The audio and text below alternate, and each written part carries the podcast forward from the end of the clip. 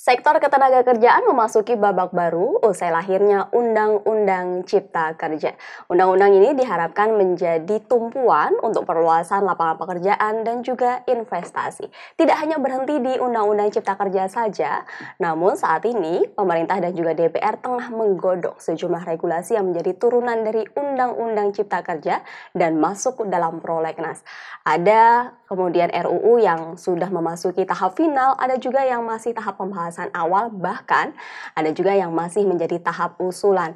Namun penting untuk menjadi catatan, yakni adalah RUU ini untuk segera diselesaikan, mengingat masa jabatan legislatif dan juga eksekutif akan segera berakhir. Inilah Fokus Bisnis, antrian panjang, regulasi pekerja. Fokus Bisnis, mengulas informasi ekonomi dan bisnis lebih dalam, lebih tajam.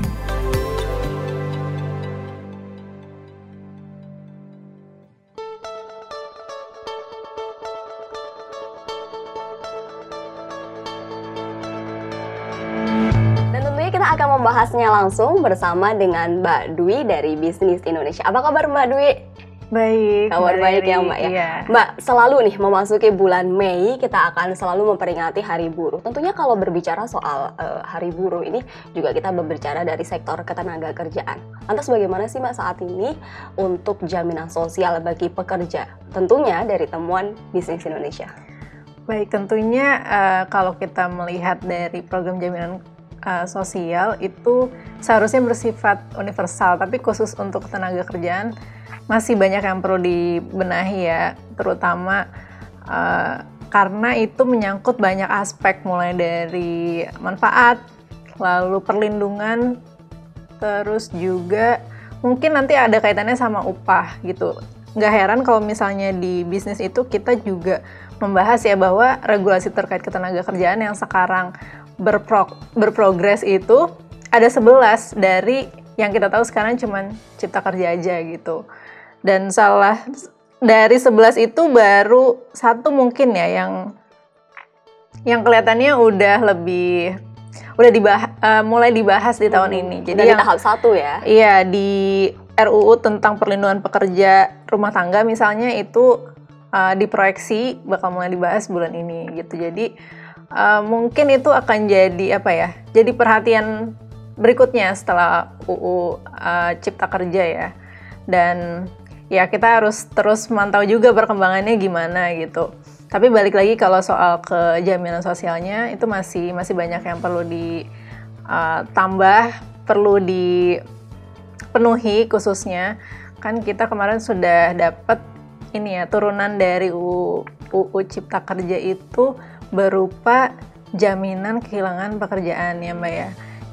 Itu juga lumayan lama prosesnya, tapi untungnya kita udah punya dan tentunya kalau saya dari sisi pekerja ya, kalau saya sendiri melihat uh, secara secara umum pekerja kita kan nggak hanya butuh perlindungan dari sisi bagaimana mereka menghabiskan masa pensiun, tapi juga bagaimana mereka bisa mendapatkan hunian yang layak gitu dan uh, fasilitas kesehatan dan lain sebagainya gitu. Oke, jadi juga dengan adanya Undang-Undang Cipta Kerja yang baru ini juga mengatur beberapa perubahan yang kemudian juga dapat dirasakan oleh pekerja maupun investasi hmm. yang uh, dari sejumlah uh, pihak menilai bahwa ia memang baik juga manfaatnya untuk mereka dan memang uh, diharapkan dengan undang-undang turunan tersebut juga dapat memberikan kemanfaatan lebih. Apalagi adalah undang-undang RUU itu juga uh, sangat uh, krusial ya untuk hmm. dilakukan hmm. pembahasan. Nah, lantas bagaimana sih Mbak ini kan juga kita mengingat bahwa uh, tahun untuk legislatif dan juga eksekutif kan sudah akan berakhir nih. Hmm. Nah, ini bagaimana catatan-catatan yang diberikan baik kepada DPR maupun pemerintah untuk melakukan pembahasan dari RUU yang sudah masuk prolegnas ini? Oke, tentunya uh, kita juga nggak bisa melihat bahwa 11 regulasi ini memang banyak ya hmm. dan untuk bisa memberikan manfaat yang kita harapkan tentu juga memerlukan kolaborasi banyak pihak juga.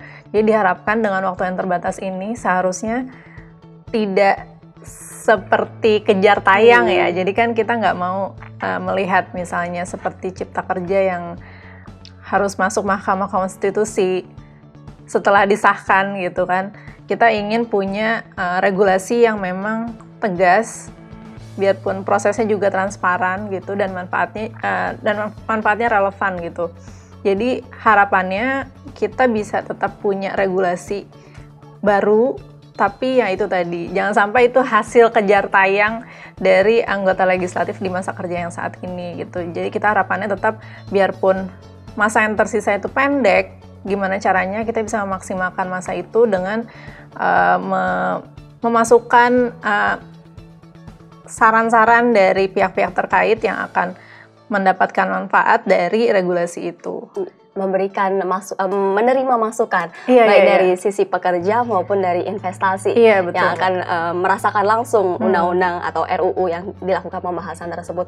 Namun berbicara soal ketenaga kerjaan ya Mbak ya, kita kan pasti akan berbicara soal uh, pekerja dan juga investasi. Nah, menurut dari uh, pembahasan bisnis Indonesia sendiri, bagaimana sih Mbak pendapat-pendapat yang diungkapkan di bisnis Indonesia ini menjadi jalan tengah sebuah RUU yang dapat memberikan jalan tengah bagi pekerja maupun dari investasi. Oke, baik memang uh, saya sendiri memahami ya uh, melihat bagaimana pengusaha dan pekerja itu uh, melihat jaminan sosial ya. Jadi seharusnya memang tidak bisa yang paling condong ke pekerja atau paling condong ke pengusaha. Intinya harus ada jalan tengah. Tapi gimana caranya uh, bahwa tetap kalau dari sisi pengusaha kan mereka inginnya konsennya adalah dari sisi produktivitas. Jadi bagaimana caranya dengan manfaat yang ada saat ini, dengan jaminan sosial yang ada saat ini, itu sejalan dengan produktivitas. Lalu kalau dari sisi pekerja bagaimana mereka mempunyai ruang hmm. untuk uh, ini ya mengembangkan potensinya ya. Jadi bisa dibayangkan kalau misalnya uh, saya sakit lalu sulit mendapatkan fasilitas dari uh, jaminan sosial yang seharusnya gitu. Lalu bagaimana saya bisa melanjutkan pekerjaan hmm. saya? Misalnya juga kalau saya tidak punya hunian yang layak, bagaimana saya bisa berteduh istirahat dengan uh, se sebagaimana semestinya dan juga uh, memenuhi kebutuhan yang lainnya yang pasti akan berdampak juga dengan pekerjaan itu sendiri. Jadi bagaimana kedua belah pihak ini bisa sama-sama uh, melihat lebih dari sudut pandang mereka masing-masing. Karena ya satu sisi lagi kalau misalnya uh, manfaatnya terlalu besar mungkin kita harus lihat juga kemampuan industri kita seperti apa. Tidak mungkin kita memberikan manfaat sampai 150% tapi ternyata perusahaannya hanya bertahan dalam jangka pendek. Mm -hmm. Itu kan sangat disayangkan ya Mbak ya. Jadi di di edisi Ulasan kali ini, ya itu juga ada uh, pernyataan dari Asosiasi Pengusaha Indonesia ya, Pak Haryadi Sukamdani yang juga bilang bahwa uh, yang terpenting adalah uh, bagaimana bisa memastikan uh, pekerja itu tetap terlindungi dan bisa menjalankan pekerjaannya, hmm. intinya seperti hmm. itu. Dan tentunya jaminan sosial itu tidak hanya memikirkan uh, di hulunya saja hmm. atau di hilirnya saja. Harus dipikirkan bagaimana kemudian dia uh, sebagai pekerja yang produktif hingga kemudian dia uh, sudah tidak produktif atau di masa pensiunnya hmm. ini harus benar-benar dipikirkan supaya yeah, mereka yeah. juga bisa memberikan apa ya, memberikan manfaat atau memberikan uh, mendapatkan hasil dari apa yang kemudian juga kalau dari jaminan sosial juga apa yang telah dibayarkan melalui hmm. contohnya adalah BPJS dan lain sebagainya seperti itu ya Mbak ya. Iya. Lalu bagaimana Mbak kita harus memaknai di Hari Buruh Internasional ini tentunya dengan hadirnya Undang-Undang Cipta Kerja. Baik, tentunya menurut saya uh, Hari Buruh selalu jadi bahan refleksi ya untuk kita semua kaum pekerja gitu. Uh, dan menurut saya juga di momen kali ini Presiden udah ini ya menyampaikan pesannya, uh -huh. terutama tentang bagaimana uh, hak buruh itu dijamin, hak dan kes, uh, hak keselamatan dan kesejahteraan itu harus terjamin ya untuk buruh.